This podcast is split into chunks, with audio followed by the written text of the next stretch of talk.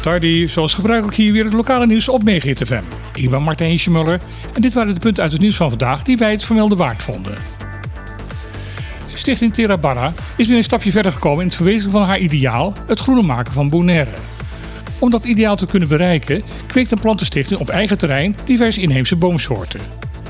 Hiervoor is een grote hoeveelheid compost nodig, iets wat normaal gesproken op Bonaire niet veel in de natuur voorkomt. Compost importeren wordt door de huidige omstandigheden steeds duurder en daarmee onbetaalbaar. Het enige wat dan overblijft is zelf composteren.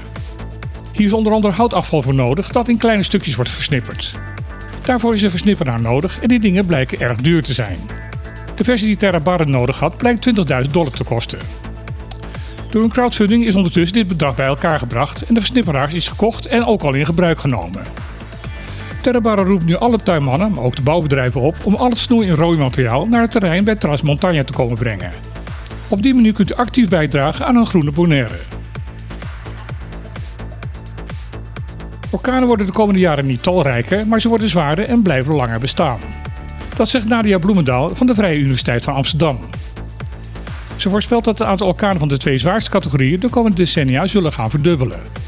Dat vertelt ze in het tv-programma NTR Atlas. Doordat de zee op meerdere plekken warmer zal gaan worden, kunnen deze stormen ook langer overleven. Deze combinatie maakt dat orkanen in de nabije toekomst veel meer schade zullen gaan aanrichten dan nu het geval is. Door hun langere levensduur zullen de orkanen ook veel vaker meer richting het noorden komen. Daarom zal de kans op ernstige stormschade ook in Europa vergroot worden. Bloemendaal constateert in het programma dat vanuit de Nederlandse overheid nog niet veel aandacht is voor deze risico's. Wel zegt ze dat er diverse wetenschappers en ook bedrijven aan de slag zijn gegaan met de uitkomsten van haar onderzoek. Jeugdzorg Caribisch Nederland heeft een onafhankelijke en externe klachtcommissie ingesteld. Staatssecretaris Maarten van Rooyen van Volksgezondheid, Welzijn en Sport heeft vandaag de vijf leden daarvoor beëdigd. Maar nog voordat de commissie aan de gang heeft kunnen gaan, zijn er al grote twijfels over de procedures die gevolgd gaan worden. Het blijkt namelijk dat niet de klager kan bepalen of de klachtcommissie wordt ingeschakeld, maar dat dit de beslissing is van de directeur van ZJCN. Hij bepaalt welke klachten naar de commissie gestuurd zullen gaan worden, zelfs wanneer deze klachten hem zelf aangaan. Na het orde van de commissie is het weer de directeur van ZJCN die bepaalt hoe de klacht verder zal gaan worden afgehandeld. Vorige week zegde het bestuurscollege van Saba het vertrouwen op in de directie van ZJCN.